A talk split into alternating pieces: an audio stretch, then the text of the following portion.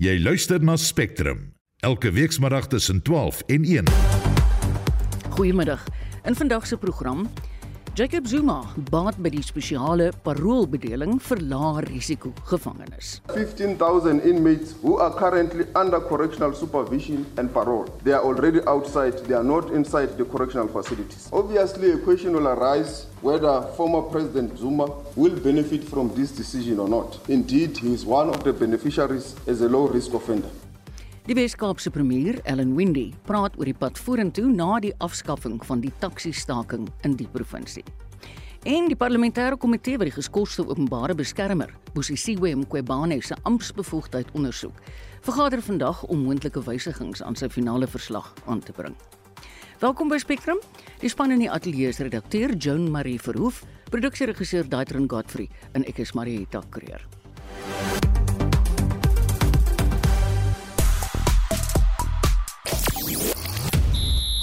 Ondersteuners kan die Springbokke môre by OR Tambo afsien.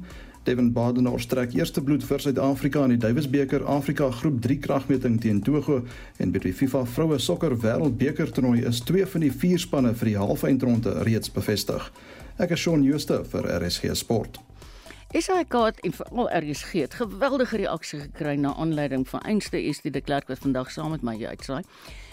Sy dokumentêre gisterand van Lucy is dood en ons het agtergekom aan die reaksie van die luisteraars dat diereliefhebbers eenvoudig in 'n klas van hulle eie is. Daar was ontsettende reaksie en veral positief. En vandag om daarbey aan te sluit is die Suid-Afrikaanse Gidshondvereniging vir Blindes en hulle het 'n bewusmakingsdag in Sandton in Johannesburg oor die noodsaaklike rol wat ondersteuningshonde verrig in die lewens van mense met spesiale behoeftes. Nou ons weet, hulle is nie troeteldiere nie. Maar ons wil graag by jou weet. Terug nou by Essie se storie van gisteraan. Speel jou troeteldier 'n rol in jou emosionele welstand? Vertel ons 'n bietjie hoe jou diere jou deur 'n moeilike tyd gehelp het. Ek weet ons gaan baie reaksie kry. Stuur gerus 'n SMS na 45889 teen R50 per boodskap. Ek wag vir jou. Jy luister na Spectrum elke weekmiddag tussen 12 en 1. Ons gaan voort met die program is nou 6 en 'n half minute oor 12. Oud-president Jacob Zuma gaan nie terug tronk toe nie. Zuma word met spesiale kwytskelding vrygelaat wat deel is van 'n kwytskeldingsproses van duisende nie gewelddadige oortreders. Die proses is deur president Cyril Ramaphosa goedgekeur. Die minister van Justisie, Ronald Lamola, het vanoggend aangekondig die kwytskeldingsproses word ingestel as deel van stappe wat gedoen word om oorbevolking in tronke in die land op te los. Is dit die verrigtinge vanoggend opgehou en sy is saam met ons hier in die ateljee. Hallo Estie. Hallo Marita. Ons weet nou, die appelhof het vroeër bevind Zuma se vrylating op mediese parol was onregmatig. Dis reg en die hof het die departement van korrektiewe dienste se aansoek om verlof tot appel van die hand gewys in gelas hy moet terug aan tronk toe. Is reg Marita en Zuma het vanoggend kortstondig by die Escort gevangenis aangemeld kort voordat hy met spesiale kwytskelding vrygelaat is. Nou minister, minister Lamola sê Zuma het dus aan die vereistes van die hofbeslissing voldoen deur by die tronk aan te meld. Myself nor the president did not interfere with the decision of the national commissioner. We also allowed him to inform us of his decision, which he did. He informed me yesterday about um, his decision about the former president that he is complying with the Supreme Court of Appeal judgment, the judgment that states that the former president must come back into the facility. The decision to release him was unlawful and therefore he must be brought back. And in that process, already the process of remission had already started in April. En is die minister van Justisie Ronald Lamola. Nou die hof het ook gelas dat die kommissaris van korrektiewe dienste, Makgoto Tobakgala, moet bepaal of die tydstuur wat Zuma op mediese parol buite die tronk uitgedien het in berekening geneem moet word. Maar Tobakgala sê Zuma sal nie die res van sy 15 maande lange tronkstraf in die tronk uitdien nie, omdat hy nou ingevolge hierdie kwytskeldingsproses vrygelaat word. He was subjected to administrative process, including the remission process that is already approved for all other offenders that qualify to be administratively processed under the remission process. Ek moet sê, is dit vir my nogals baie raar dat ek eers sê ons het na die nasionale kommissaris van korrektiewe dienste, Makgoto Tobakgale geluister.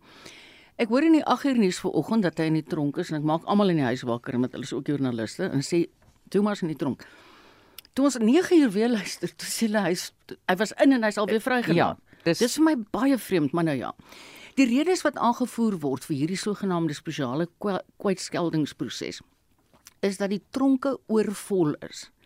Nou hoeveel gevangenes gaan vrygelaat word ingevolge hierdie proses? Nou Marita, ons weet dat Suid-Afrikaanse tronke oorbevolk is en die departement van korrektiewe dienste sê altesaam 9488 nie gewelddadige oortreders sal vrygelaat word onder korrektiewe toesig. En daardie vrylatingsproses begin vandag. En dit sluit onder meer gevangenes in wat uh, ouer as 65 jaar is, ook uh, vroue wat swanger is en wat in die tronk is en 3064 buitelandse gevangenes wat vonnisse in tronke in die land uitdien, sal ook as deel van hierdie proses gedeporteer word. Nou Zuma kwalifiseer omdat hy nie 'n hoë risiko misdadiger is nie. Is dit baie dankie, maar ek gaan nog baie keer vir jou dankie sê vandag want jy bly sommer letterlik in die ateljee. Intussen bly ons by die onderwerp. En ons praat nou met die strafregkenner advokaat François Botha. Hallo François. Marita, goeiemôre, goeiemôre luisteraars. Nou, jy het geluister wat ons sou uitgesaai het. Die minister van Justisie, Ronald Lamola, sê Zuma het aan die appelhof se beslissing voldoen omdat hy hom vanoggend by die Escort gevangenis aangemeld het. Is hierdie proses nou afgehandel? Benoude katte maak benoude spronge en ek is glad nie oortuig dat die minister of die departement van korrektiewe dienste het voldoen aan die hofbevel nie. Ek doen aan die hand dat die minister moet homself bepaal by presies dit wat die konstitusionele hof voorgeskryf het, met ander woorde dit wat die appelhof bekragtig het en daarvolgens moet daar gehandel word. Die tydsberekening van hierdie spesiale remissie kom vir my baie verdag voor. Dit is presies een van my vrae. Ek wil vir jou sê die die tydsberekening is is baie baie raar. Sou mense nou kon sê Zuma sy vonnis volledig uitgedien omdat hy op mediese parol vrygelaat is? Of destyds? dit dit kan op geen basis so geargumenteer of geïnterpreteer word nie want dat dit sal beteken dat die proses maak homself vatbaar vir misbruik. Met ander woorde wat moes gebeur het van die begin af is dat meneer Zuma moes sy tydperk waarbinne hy sy 15 maande gevangenis straf opgelê is moes hy uitgedien het. Dan was hierdie hele proses totaal en al onnodig geweest Ja. Nou ons het gehoor by Estie so wat 10000 gevangenes word ingevolge hierdie proses vrygelaat onder korrektiewe toesig. Verduidelik vir ons bietjie asseblief so kwytskeldingsproses.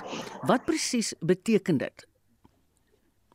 Hierdie kwytskelding volg uit die bepalinge van artikel 84.2 van die grondwet en dit gee aan die president 'n diskresie of 'n prerogatief om 'n sekere klas gevangenes of gevangenes binne 'n sekere raamwerk, met ander woorde bo sekere ouderdom of wat nie 'n risiko inhou nie of wat nie geweldsmisdadigers is nie, om vir so 'n spesiale remissie in aanmerking te kom. Maar daar's 'n baie groot maar. Daardie diskresie moet uitgeoefen word op 'n rasionele wyse, mm. nie om iemand te probeer bevoordeel wat al gedemonstreer het dat hy sal nie voldoen aan hofbevele nie en hy minag hofbevele. Ek dink daar het die president moontlik sy diskresie 'n bietjie te wyd um, uitgevoer. Mm. Hy moes twee keer gedink het en hy moes 'n rasionele besluit geneem. Want ek het vanoggend ook aanvanklik die nuus hoor gedink jy nou hierdie rondte het hulle dit dan baie goed hanteer. Hy het vroeg in die oggend gegaan en dit is heeltemal onder ek wil amper sê normale omstandighede sodat daar nie opstande kan wees nie. Nou word daar aangevoer die tronke is oorbevolk. Maar eh, jy weet, dis vir my net nie dit dra nie vir my water nie. Dit is glad nie oortuigend nie. Die oor die tronke is al uh, oorvol Marieta al vir baie jare.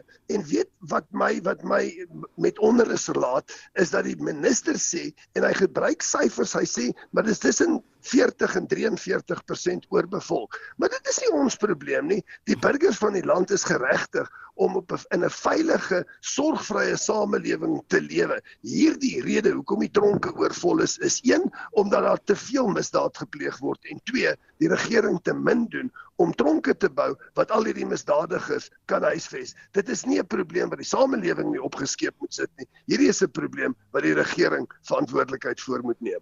Ja, en jy weet Frans, wat ek vrees om te dink as daar nou een van hierdie ouens is wat losgelaat word en hy sou iets ergs aanvang, wat die remoer dan gaan wees.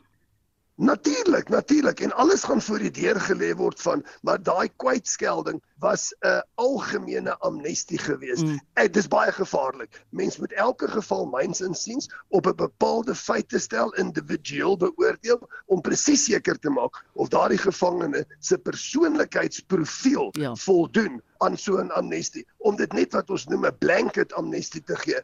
Ek dink dit is gevaarlik. Baie dankie François vir jou tyd. Ons het gepraat met die strafregkenner advokaat François Botha.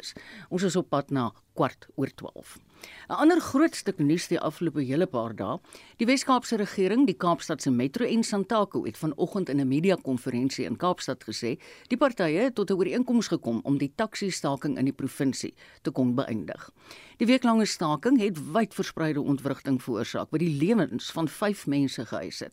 Meer as 190 strafregtelike klagte is by die polisie in verband met die staking ingedien. Nou Essie se oor was op 'n paar plekke vanoggend en sy het die verrigtinge vir ons dopgehou.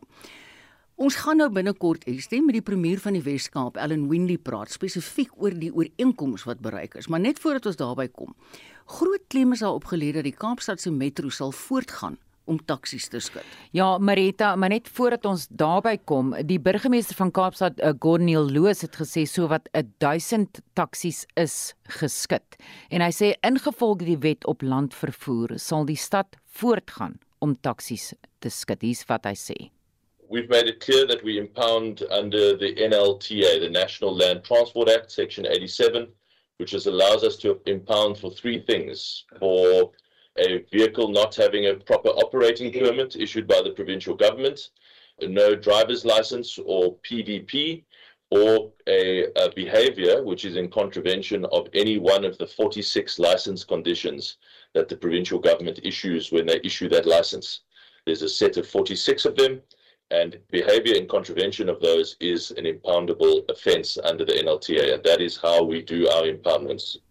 Dit was die stem van die burgemeester van Kaapstad, Jordan Hill Loos. Ek onthou in 'n vorige onderhoud dat hy ook vir ons gesê as mense oor 'n stoppery, mense oor 'n uh, verkeersligry ja. en as hulle aan die verkeerde kant van die pad ry. Nou dit volgens my is dodelik. So dit, dit kan 'n ou verstaan. Hy het ook gesê 'n taxi taakspan sal nou verdere besluite neem. En die taakspan moet nou binne 14 dae vanaf maandag 'n dokument saamstel oor onder meer wat as klein en wat as groot oortredings beskou word. En ons praat binnekort met die Kaapstadse burgemeesterskomitee lid vir stedelike mobiliteit, Rap Quintus hieroor. Lesie, wat het Santaku by die media konferensie oor die ooreenkoms gesê? Nou die streeksvoorsitter van Santaku, Nteba Enge, het gesê die partye het ooreengekom om met mekaar te verskil. Agree to disagree was sy woorde. In terme van die dringende hofaansoek wat Santaku gebring het om die Kaapstad se metro te probeer verhoed om ehm um, taksies te skit het Enge gesê, hulle win regsadvies nog in in die stadium van hulle regsverteenwoordigers oor of hulle dit uh, gaan verder neem. Maar hy het toegegee die staking het die taksi-industrie in die Wes-Kaap finansiëel laat bloei. The industry has enjoyed to it's about 15 million per day. So if you count the eight days, it's about plus minus 120 million. Uh, the loss. En dit was Santaku se streeks adjunk voorsitter in die Wes-Kaap, Ntebe Enge. Baie dankie Essie, sy het vir ons hierdie taxi storie dopgehou en um, ek is seker jy gaan nog 'n paar goed dophou vandag, so jy gaan weer terug wees in die ateljee. Nou vir meer oor presies wat die taxi taakspan in die volgende 14 dae moet verrig. Praat ons nou met die Kaapstad se burgemeesterskomitee lid, nou wie Estie verwys het vir stedelike mobiliteit, Rob Quantas. Goeiemôre Rob. Uh, a very good uh, afternoon to you. Um goeiemiddag en uh, dankie uh that I am on the show and uh goeiemiddag aan al die luisteraars. I can understand if you say good evening because I think your days are so full at the moment you feel like it's night time already. I want to ask it has you, been uh, it has been a tiring and a trying week. Oh, I can sure. I can imagine. Part of the agreement is that the taxi task team, of which you are a member, must compile a document with minor and major offences. Could you elaborate on this, please? Uh, thank you for the question. Yeah, myself and the uh, Minister for Mobility within the Western Cape uh, province, we are both co-chairpersons And um, what we are uh, wanting to uh, iron out uh, over the over the coming two weeks is uh, a consensus around um, uh, the the conditions that are in the operating license, uh, which will in the future, in terms of enforcement, either um, generate a fine or uh, generate an impoundment, depending on the nature of the offence. I think that's so the important thing: the nature now, of the offence. No. Yes, absolutely. Mm. So not all not all offences are equal.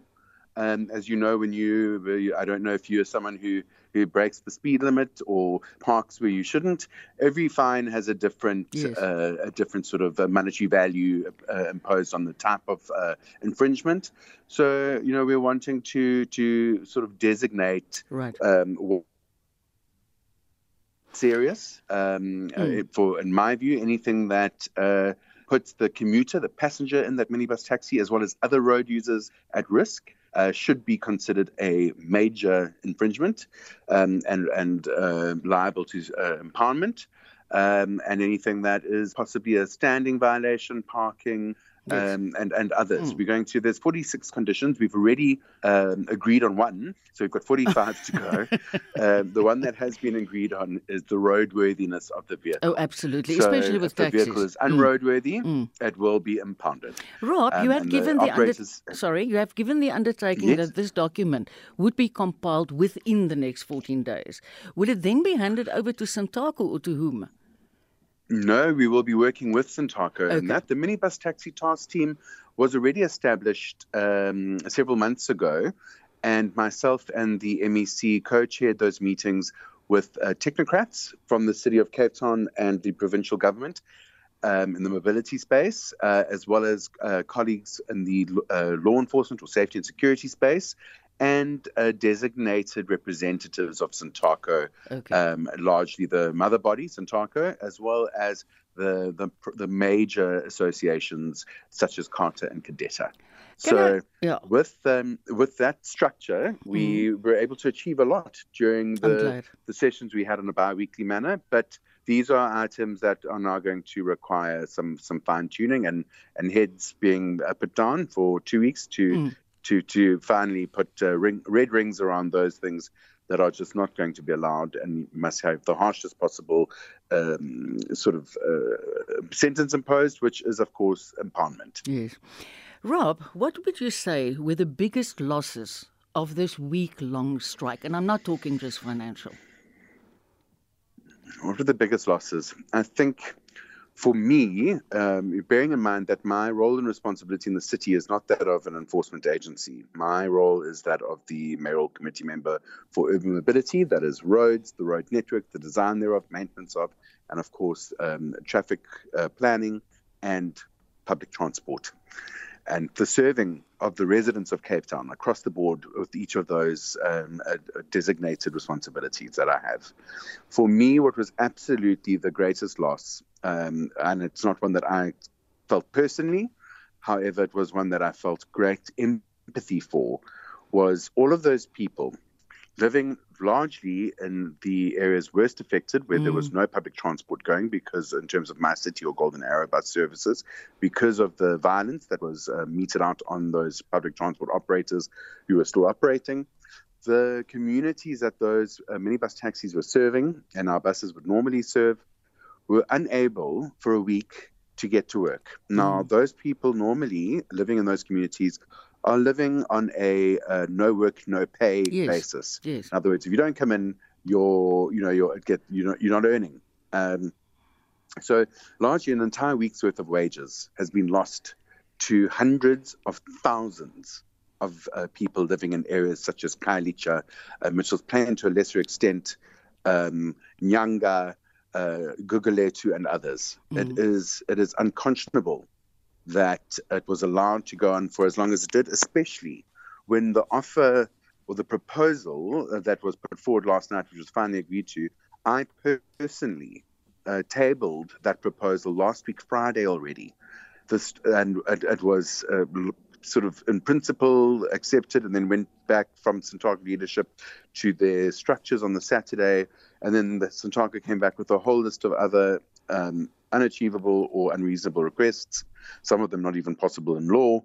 And we went back and, and backwards and forwards since I tabled the same proposal again on Sunday evening with the leadership.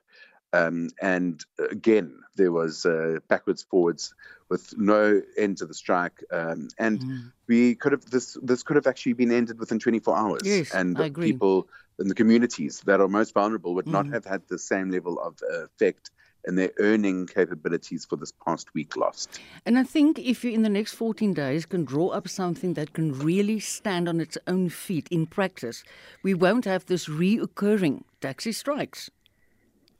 Well, I would hope so. You know, um, I, I would hope that everything is agreed to and uh, potentially even signed on in Mm. good faith, um, and that we don't, in six months' time, Yes. find uh, similar disruptions because now some of the items initially agreed to, uh, people, you know, the Yeah. industry may potentially want to backtrack or, uh, you know, change tack. Um, I'm hoping that that's not going to be the case. I'm hoping that the negotiations and the agreements thereof are done in good faith. Um, but it will really clarify a lot of the concerns of the industry for the simple reason, um, which I tried to try to explain earlier. The operating license conditions, the um, the impoundment versus fine is a discretionary Mm, uh, um, mm, item. mm, In other words, mm. the peace officer, whether it be Metro Police, law enforcement, traffic Yes. police, they have the discretion as to whether they're going to impound the vehicle Yes. or fine Okay. the driver. Rob, sorry, time is And- catching up on this side. Can I say thank you for your time? I know you were very busy this week. Ons het gepraat met die Kaapstadse burgemeesterskomitee lid vir stedelike mobiliteit, Rob Quantas.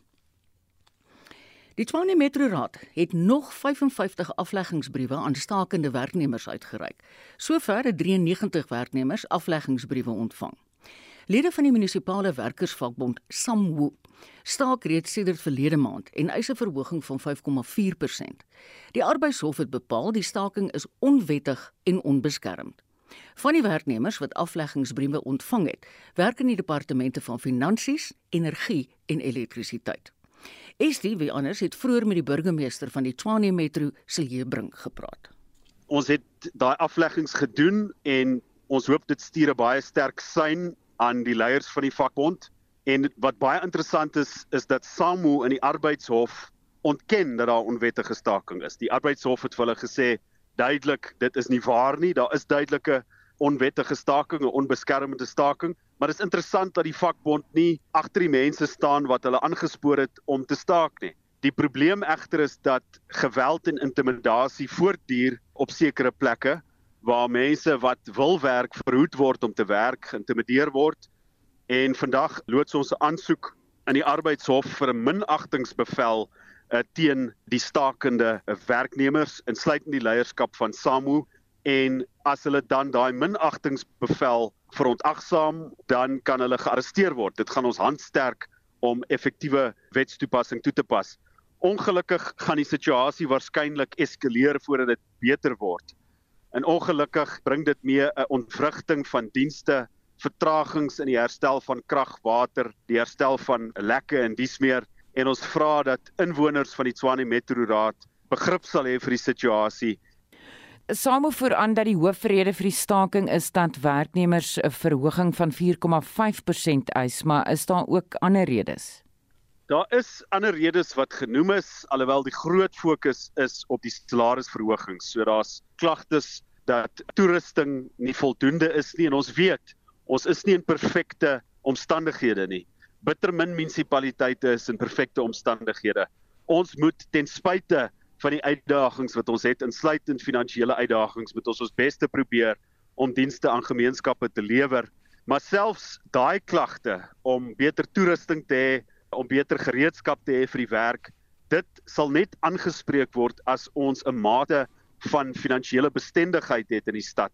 En 'n gevolge ons finansiële herstelplan neem ons verskeie stappe om die finansiële bestendigheid teweeg te bring en die kwytscheldingsaansoek by die bedingingsraad wat ook vandag ingedien word. Dis net een van die die maatreëls wat ons tref. Nou van hierdie 94 werknemers wat afleggingsbriewe ontvang het is van die departemente van finansies en energie en elektrisiteit. Nou watter impak het dit op die metro? So dit sal 'n definitiewe impak hê, maar die feit van die saak is die onbeskermde staking het die grootste impak. as ons gewoon voorgee asof hierdie mense nie staak nie, asof hulle nie instruksies verontagsaam nie, dan gaan ons net verder 'n kultuur van 'n gebrek aan aanspreeklikheid bevorder in die stad en dan gaan ons die geleidelike agteruitgang van dienste moet aanvaar. En ons kan dit nie aanvaar nie. Daar moet 'n breekpunt wees en hierdie is die grootste afleggingsproses wat die stad nog ooit ervaar het. Dis traumaties, dis ontwrigtend. Ons wil dit nie doen nie, maar ongelukkig vanweë die onverantwoordelike leierskap van die vakbond SAMU het ons geen ander keuse nie. Anders gaan die dienste aan inwoners net verder agteruit gaan en ek moet benadruk ons is aanspreeklik aan die inwoners as geheel. So sê die burgemeester van die Tshwane Metro, Silje Brink. Nou heeltemal 'n ander onderwerp. Die parlementêre 194 komitee wat die amptbevoegdheid van die geskorste openbare beskermer, Bosisiwe Mqwebane ondersoek, vergader vandag om moontlike wysigings aan sy finale verslag aan te bring. Die verslag hou verband met die jaarlange ondersoek waar tydens daar tergende vrae is of sy geskik is vir die amp en of sy haar aan wangedrag skuldig gemaak het. Ons praat nou met die leier van die VF+, Dr Pieter Groenewald. Goeiemôre Pieter. Goeiemôre Marieta. Ek hoor jy staan op die lughawe, maar dis ek is bly jy kan met ons praat. In 'n netedop, wat het die artikel 194 verslag oor Mqwebani se amptbevoegdheid bevind? Die kern van die bevinding op die einde van die dag is dat sy is onbevoeg om die ampt te beklee. Hulle kyk nou finaal na sekere aspekte, klein veranderingkies by hier, miskien hier en daar want dit is 'n konsepverslag, maar die bevinding op die einde van die dag behoort nie te verander nie. So daar gaan op die einde van die dag 'n verslag wees wat dan bepaal dat die openbare beskermer onbevoeg is vir die ampt en dat sy verwyder moet word die proses verder is dan dat as hierdie verslag nou gefinaliseer is vandag, dan word dit ingedien by die nasionale vergadering. Die sittings begin weer op 28 Augustus en dan moet hierdie verslag in die nasionale vergadering bespreek word en dan moet daar 'n finale besluit geneem word. Nou moet ek dit vir die luisteraars sê dat artikel 194 van die grondwet bepaal wel dat die verslag moet dan met 'n 2/3 meerderheid aanvaar word hmm. in die nasionale vergadering om dan uitvoering te gee aan sy bevinding. Met ander woorde sou 2/3 van die nasionale vergadering se lede stem ten gunste van die verslag dan bepaal artikel 194 ook dat die president moet nie kan nie hy moet haar dan uit die amp ontruim. So dit is die proses wat dan sal volg van hier af. Pieter, ek wil jou vra, gegee die feit dat sy in April laas aan die ondersoek deelgeneem het, het Mkobani enigsins 'n geleentheid om op die verslag repliek te lewer? Verwag jy sy gaan? Ek dink uh, sy gaan poog om die howe te nader, maar sy sal nie suksesvol wees nie. Sy het hoeveel geleenthede gekry en ons moet ook onthou, dis 'n verslag wat dan saamgestel word uit parlementslede en dan word dit net eenvoudig gestuur na die nasionale vergadering vir finale beslissing. Sy gaan dalk probeer, maar ek sê weer 'n keer, ek kan nie sien dat sy gaan slag daarin nie. Sy gaan natuurlik probeer in die opsig dat ons moet onthou. Sou sy nou uit haar amp verwyder word, mm. dan verloor sy al haar pensioenvoordele. Ja, ja. ja. As 'n uh, uh, as openbare beskermer. Sy tyd tot 15 Oktober. Maar uh, ek is op hierdie stadium uh, vol moed dat die proses sal deurgevoer word Ek glo ook die parlement wat hy behoort te doen is om voort te gaan en 'n besluit te neem. Sy kan dit dan op hersiening neem en dan sal daar gewag moet word om te kyk sou sy hof toe gaan om te kyk wat se uitspraak van die hof, maar dat die besluit geneem moet word voor 15 Oktober, dit is van kardinale belang. En die publiek het op kolle tog die indruk gekry dat sy eintlik vir tyd speel ten einde 15 Oktober te kan haal. Daar's geen twyfel nie. Sy het alles in haar vermoë gedoen om die proses te vertraag want sou sy dit reg gekry het dat die parlement nie 'n besluit neem voor 15 Oktober nie dan uh, is dit die einde van haar amptetermyn in elk geval en sou sy afgetree het met volle voordele met ander woorde met haar volle pensioen. Ja. Baie dankie Pieter. Ek hoop jy het 'n veilige vlug. Dit was die leier van die Vryheidsfront Plus, Dr Pieter Groenewald. Spectrum, jou middagnuusprogram op RSG. In die nuus die Tshwane Metro sê slegs enkele voorvalle van openbare geweld is aangemeld te midde van die onwettige munisipale staking. En die militêre junta in Niger dreig dat president Mohammed Bazoum se lewe in die weegskaal hang. Sou sy buurlande met militêre geweld optree. Ons nooi jou bly ingeskakel.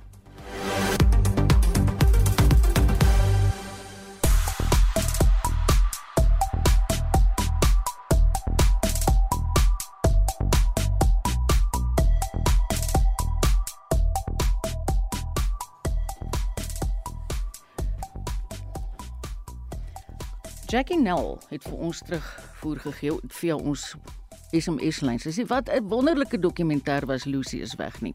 Paar jaar gelede is ek met uitbranding, angs en verskillende ander goed gediagnoseer en elke keer as ek 'n angsaanval beleef het, het my geredde in aanhalingstekens Afrikaners hond, muis muis, styf teen my kom sit en my nie vir 'n sekonde gelos nie.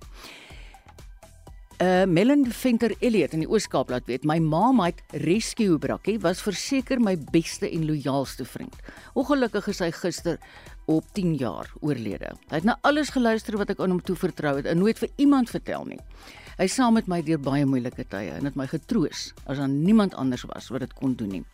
So net sê Ons Maltese is 7 maande terug oorlede aan kanker en het tot haar afsterwe is sy by die huis versorg waar sy die aand van 29 Desember gesterf het. Ek is nou nog hartseer as ek net aan haar dink. Ja, ek het nogal gedink ons gaan hierdie tipe terugvoer kry gewoon net. Dis te oordeel aan gisteraand se terugvoer oor Lucy is dood. So ja, julle stem saam. 'n Mens se geestestoestand word in 'n groot mate getroos, bygestaan of miskien selfs vooraf geweet deur 'n ou se troeteldiere.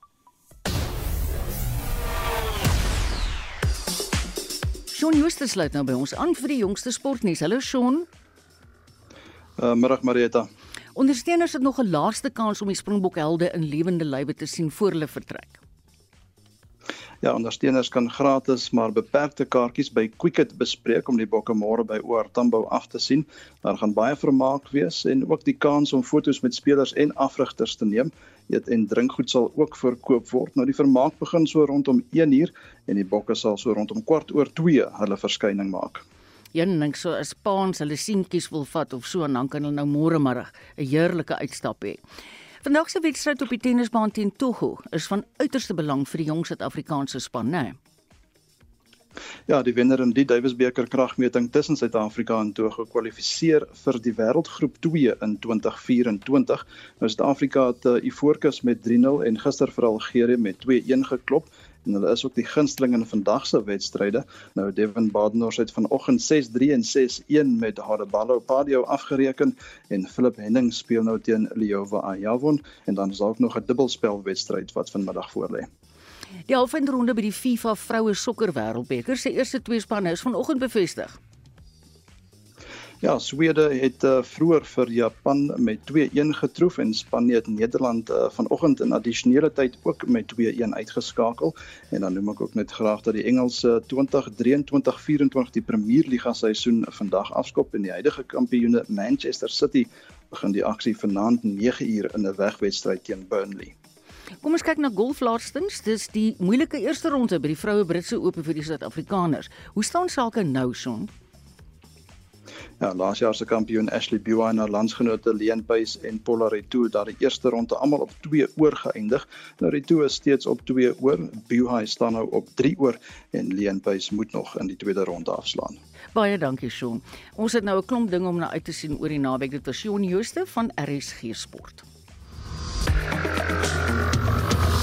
Jy luister na Spectrum. Elke weekmiddag tussen 12 en 1. Ons gaan aan met die program 21 voor 1. Suid-Afrika se 100 meter wêreldkampioen in die T44 klassifikasie, Mpumelelo Mlongo. Sy is opgewonde oor die toekoms van die land se jong para-atlete. Mlongo het verlede maand Suid-Afrika se eerste goue medalje gewen by die wêreld para-atletiek kampioenskap in Parys, Frankryk. As jy met die regte ondersteuning kan Suid-Afrika se belowende jong para-atlete dit verbring. Liesel Olivier het met hom by sy huis in Johannesburg gesels. Mhlongo is gebore met amniotiese bandsindroom en 'n klomp voet, maar dit het hom min geskeel. Hy is die T44 wêreldrekordhouer in die 100 meter vir mans en het verskeie medaljes by 3 wêreldkampioenskappe verower, ook in die 200 meter en die verspring. Volgende jaar se Paralimpiese spele in Parys gaan egter nie sy hoof fokus wees wanneer hy later van dese maand sy oefenprogram hervat nie. And really, what we're going to be focusing on is learning how to walk again, learning how to sprint, and a mechanic that works best for my body. And then hopefully that becomes the fundamental pillar to break through a lot of the barriers that we've faced in the sport because we really want to see what's on the other end of potential. Mhlongo is 'n reuse inspirasie vir baie reg oor die wêreld. Sy invloed is egter nie tot atletiek beperk nie. Hy dra ook by tot opheffingswerk in sy gemeenskap. Without my community where I grew up, I wouldn't be the person I am. You know, the stats are horrifying for people with disabilities on the continent as well as in South Africa. Yet I had a community that aged me on, that showed me that I had potential that I can contribute to. And really, my message is there is no sport without community. Mhlongo gaan vir die volgende week of 2 vereers op sy studies fokus. Hy tans besig met sy doktorsgraad in chemiese ingenieurswese aan die Universiteit van Kaapstad. For me and for a lot of the other Paralympians, it's imperative that you have a dual approach to life because unfortunately, sports doesn't pay all the bills. Sometimes it pays some, and there's life after sport, and that life is much longer than your sporting career. Nhlongo wil in Desember weer plaaslik begin meeding, waarna die buiteland in Januarie wag. Maar of hy oefen, leer of werk, die 29-jarige wil steeds inspireer en motiveer. En hopelik sal hy dit alles volgende jaar kan doen met 'n goue medalje op atletiek se grootste verhoog, die Paralimpiese spele in Julie in Parys. Liesel Olivier, SAK nuus Johannesburg. Dis die week internasionale ondersteuningshondweek ter bewusmaking van die behoefte wat ondersteuningshonde het om vir die eerste 2 jaar van hulle lewe deur pleegouers aangeneem en versorg te word. Ondersteuningshonde verrig 'n integrale rol in die lewens van mense met spesiale behoeftes. Die Suid-Afrikaanse Gidsondvereniging vir Blindes het vandag 'n bewusmakingsdag in Sandton hier in Johannesburg. Ons praat nou met Pieter van die Kerk van die Gidsondvereniging vir Blindes. Jenning, ons kom van gisterand af met diertjies en gidsonde en dinge. Baie welkom Pieter. Baie dankie Marita en dankie vir die geleentheid. Ek kan hoor jy's reeds daar by die terrein waar jy vandag julle kom ons noem ek gaan nie kat uit die mou laat nie. maar dit klink baie vrolik. Voordat ons nou by vandag se verrigtinge kom, vertel ons eers net bondig, wat is die funksies wat julle ondersteuningshonde alles bied? Pareta die ondersteuningshonde wat deur ons organisasie ge, ge, opgelei word. Ons lei gidsonde op nou almal meeste mense ken 'n gidsond dis wat saam met 'n blinde persoon of 'n siggestremde persoon werk. Dienshonde vir persone wat in 'n rolstoel uh jy weet vasge vasgeanker is. En dan doen ons ook autisme ondersteuningshonde vir families waar daar 'n kind is ouderdom 4 tot omtrent 12 jaar waar die hond in die in die in die familie ingebring word en regtig net 'n fantastiese uitwerking het om die kind kalm te hou en die familie bietjie rus en vrede te gee. Ja, dit het 'n verbasende uitwerking, né, Pieter. Nou die eerste Ja, die eerste 18 maande as ek reg is van hulle lewens is hulle permanent by hulle pleegouers. Vertel ons net vinnig wat doen hierdie pleegouers met hulle? Die pleegouers neem hulle aan of kry hulle by ons, hulle moet deur 'n keuringsproses gaan en uh, ons het pleegouers nodig in Gauteng en in Kaapstad. Hulle neem dan 'n babatjie hond van so 8 weke oud en wie kan wie kan so klein hondjie asem weerstaan. Hulle volg dan 'n program wat deur ons uh basies uh oor toesig gehou word en voorgeskryf word en hulle maak dan die hondjies vir ons groot. Stel hulle aan goed bloot soos waar ons nou vandag hier in Sandton is wat jy kan hoor al die geraas in die straat en die bedrywighede sodat wanneer die honde 18 maande oud is dan gaan hulle vir hulle formele opleiding en dan sal hulle kyk so so rustig en kalm veronderstel om te wees maar kyk dan weet hulle al wat in die buitewêreld aan. Ja, ek hoor jou. Hulle gaan dan terug na die uh gidsondvereniging se skool koshuis en hulle gaan ook skool toe. Ja, hulle gaan naweke gaan hulle weer terug na hulle pleegmamas en pappas, die pleegfamilies en maandag tot vrydag gaan hulle skool toe dis wanneer ons vir uh, jy weet ons uh, instrukteurs ja. werk dan formeel met hulle lei hulle dan op want op daai stadium weet ons al watter hond uh, teken uh, of wys die eienskappe vir 'n gidshond. Hulle gaan dan die gidshond kant toe, die ander gaan dienshond kant toe en die wat so rustig is dat dat 'n bom by hulle kan ontplof, hulle gaan na die outisme ondersteuningskant toe. So hulle super spesialiseer in hulle verskillende rigtings. Hoe lank vat dit vir hulle om te gradueer? So ongeveer 6 maande se opleiding en dit sluit dan in ongeveer 'n maand lank opleiding saam met die ontvanger van die hond. En jy plaas die honde en die mense, het ek al gehoor dat hulle by mekaar pas. Ja, dis baie belangrik ons ons dis hoekom ons kliënte word gekeer. Ehm um, of jy weet hulle gaan deur 'n 'n 'n keuringsproses ja. dat ons hulle kan leer ken, want dit is baie belangrik ehm um, as jy 'n hond en 'n eienaar wil hê wat 'n goeie 8 jaar saam gaan werk dat dat die hond en die eienaar aanpasbaar is te mekaar. Is daar 'n tekort aan pleegouers Pieter? Uh, Marieta, daar is 'n groot tekort aan pleegouers en dit is hoekom ons nou vandag hier uh, by mekaar is as deel van internasionale ondersteuningshondweek aktiwiteite. Daar is 'n wêreldwye tekort aan pleegouers, maar in Suid-Afrika ook 'n groot nood daarvoor.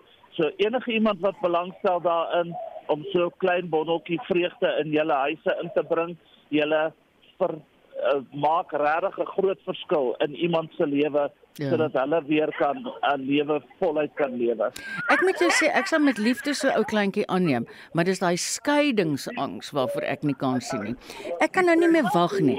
My regisseur Jan Marie Verhoef het gesê ek moet tot op die einde wag voor ek jou vra. Wat doen julle vandag in Sandton?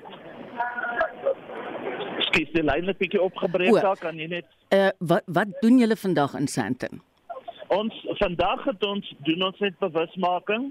Ehm um, jy weet omdat die mense weet wie ons is, wat ons doen en dis hoekom ons die, die pleegouers ingebring het. Dis nommer 1 uh uitstappe vir die hondjies, maar dat die wêreld en veral die korporatiewe sektor ook bewus is van ons. Ja. Ek meen uh die goudtrein mense het aan boord gekom. Uh hier's van die ander sake ondernemings wat ons ondersteun vandag en uh, almal moet net help om die woord uit te dra dat um, ons is dringend op soek na pleegouers en mense wat wat bang is dat hulle nie gaan kan totsiens sê nie. Mm. Hulle moet net besef dat ehm um, jy weet dit is soos 'n kind wat teen pleegsorg inneem en jy kan in ja. kontak ja. bly met daai hond en sy nuwe eienaar vir die res van die hond se lewe. Ja. En uh, ek byvoorbeeld is in 'n baie gelukkige bevoordeelde posisie dat uh, ek het 'n plaaslike pleegouer en as ek wil weggaan en ek het 'n naweek of 'n vakansie nodig gaan stuur ek hom soheen toe ons kuier saam oor en weer. Dis dierbaar. Hoorie ja. Pieter, die goeie Afrikaanse woord daarvoor lei ek nou af van wat jy wil doen is soos 'n flash mob ding. Is 'n flash mob wat ons hier doen. Ek het net nie die Afrikaanse woord daarvoor nie. Ek ook glad nie, ek met jou bely. Ek weet glad nie, maar baie sterkte daarmee. Dis altyd baie pret en die mense is altyd verstom. Dit was Pieter van die Kerk van die Suid-Afrikaanse Gidsondvereniging vir Blindes. Iets heeltemal anders.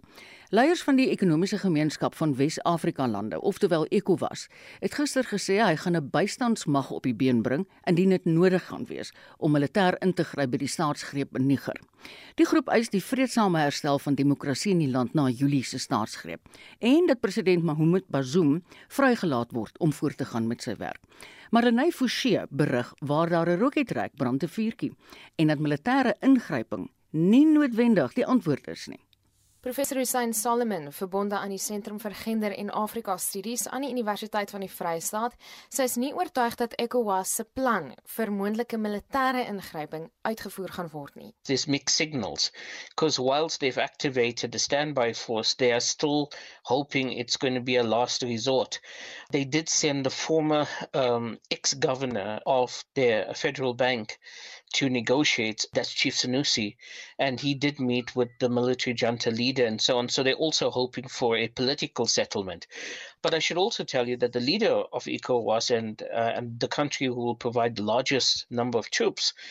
The Nigerian president, the Senate, actually voted against intervention. And remember, Nigeria has its own security problems, like with Boko Haram and so on, which they haven't been able to actually quash. Hy sê boonop dit sal maklik wees om die hoofstad by die weermag terug te wen, maar dis nie waar dit stop nie. what then has to happen is they um, uh, there has to be a speedy transition. Now, the question is how many of the Niger armed forces are already compromised with this coup? And then there seems to be some popular support for the coup in the first place. So the people might turn against them. So you might have a situation of even having captured Niamey, what will happen is the troops will be attacked periodically. I mean, think about Afghanistan, think about the Taliban, right? They were kicked out of the capital and so on. And after 20 years, this mighty American machinery had to have peace with the Taliban. Now they are back in power uh, because you don't have the staying force to be there. And and very importantly, it's not just a military strategy you're talking about. You need a political strategy in terms of ensuring that there is a transitional government in place which is broadly representative of the people. Uit vorige samesprekings lyk dit asof die junta 3 dinge eis: die herstel van elektrisiteit, die opheffing van sanksies en toegang tot humanitêre hulp. Daar is dus verskeie elemente wat tot die staatsgreep gelei het. You must understand things like uranium um, and the energy resources of Niger. 85% of citizens of Niger do not have electricity. 85%. But that same uranium that leaves Niger goes to power Paris. So outside of just kicking out the military and a proper legitimate political transition, you have to create a win-win situation inside the country to allow people to benefit from the resources. Because if you don't, you're going to have a mess. Dit was professor Hussein Solomon verbonde aan die Sentrum vir Gender en Afrika Studies aan die Universiteit van die Vrystaat. Malina Forsie is hy gonies. Ons het nou 'n baie interessante bydrae. En dit is nogal deur vandag se redakteur Joan Marie en ons het besluit van die Gidsondvereniging was daar 'n voorstel sy's vandag verwoef. Sy het hierdie infonds saamgestel want baie hulde blyk gestroom in na die dood van die geliefde Sugarman, sanger en liedjie-skrywer, Sixto Diaz Rodriguez en ons luister nou daarna.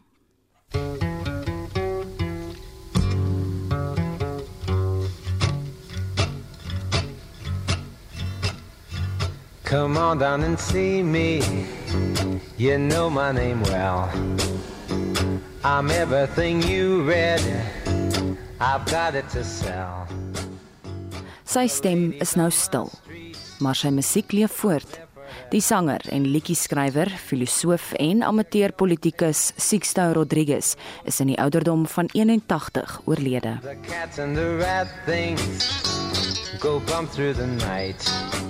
Rodriguez het in die 70er jare twee albums in Detroit opgeneem: Cold Fact en Coming from Reality. Albei was mislukkings in die FSA, maar hier in Suid-Afrika het sy musiek groot hoogtes bereik, iets waarvan hy vir sowat 2 dekades onbewus was. Sy kultusstatus in Suid-Afrika het gelei tot sy herontdekking in die laat 90er jare, waarna verskeie van sy konserte hier uitverkoop het. In 2012, na gerugte dat hy homself om die lewe gebring het, het die Sweedse dokumentêre rolprentmaker Malik Benjelloul hom in Detroit gaan opspoor en dit het uiteindelik gelei tot die Oscar-bekroonde dokumentêr Searching for Sugar Man. Hier is Rodriguez die jaar toe die dokumentêr vrygestel is. Now that I've had time to reflect on it, uh, the music business is uh, you have to be ready for rejection, criticism, and disappointment. So those kinds of things are pretty much built into any career, and so with music it's such. So yeah, it was it was a disappointment to me then, but look at this. You know, it's quite something uh, to be here.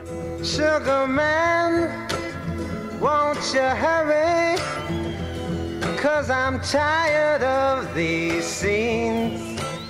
Art Matthews van die Suid-Afrikaanse rockgroep Just Ginger, wat ook 'n weergawe van Rodriguez se Sugar Man vrygestel het.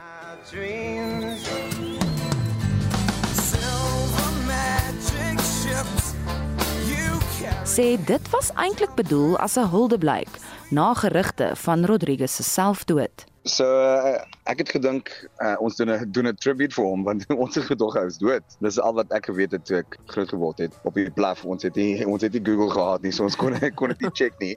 En uh, so ons het dit gedoen as 'n tribute vir hom. Ons het nie geweet dat hy nog lewe nie en so dit was 'n groot surprise en ek was direk baie dankbaar dat hy nie dood was nie, maar dit was eintlik 'n tribute. Matthew sê Rodriguez het 'n reuse invloed op sy musiekloopbaan gehad. Yes, ja, nee, hy hy was baie groot uh, invloed op my en dit's uh, dit it's a big loss. Hierdie is 'n groot een. Ek is net baie dankbaar aan wat hy vir my gedoen het vir al die jare van inspirasie. Hy was so authentic, jy weet. Hy hy was genuine en sy lirieke, ja, dit was een van my my eerste invloede, jy weet. Sy lirieke, dit is so diep, is daar so many layers en um dit vat aan die hart, jy weet. Um hy hy, hy was a genius. Um vir my was hy was hy beter as Bob Dylan.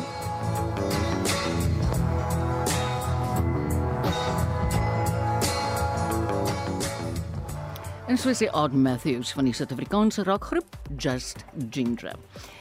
Kom ek groet namens ons hele span wat vandag gewerk het. Die uitvoerende regisseur is Nicoline de Wet. Die redakteur het ons mos nou herdoop na Joan Marie Verwoef. Produksieregisseur Daitron Godfrey en ek moet Estie de Klerk se naam noem. Sy het verskriklik hard gewerk. Ek groet net tot 3 uur vanmiddag in Spitstyd, maar namens al die ander, geniet jou naweek en onthou die 1 uur nuus saam met Martelies en 360 lê voor. Totsiens.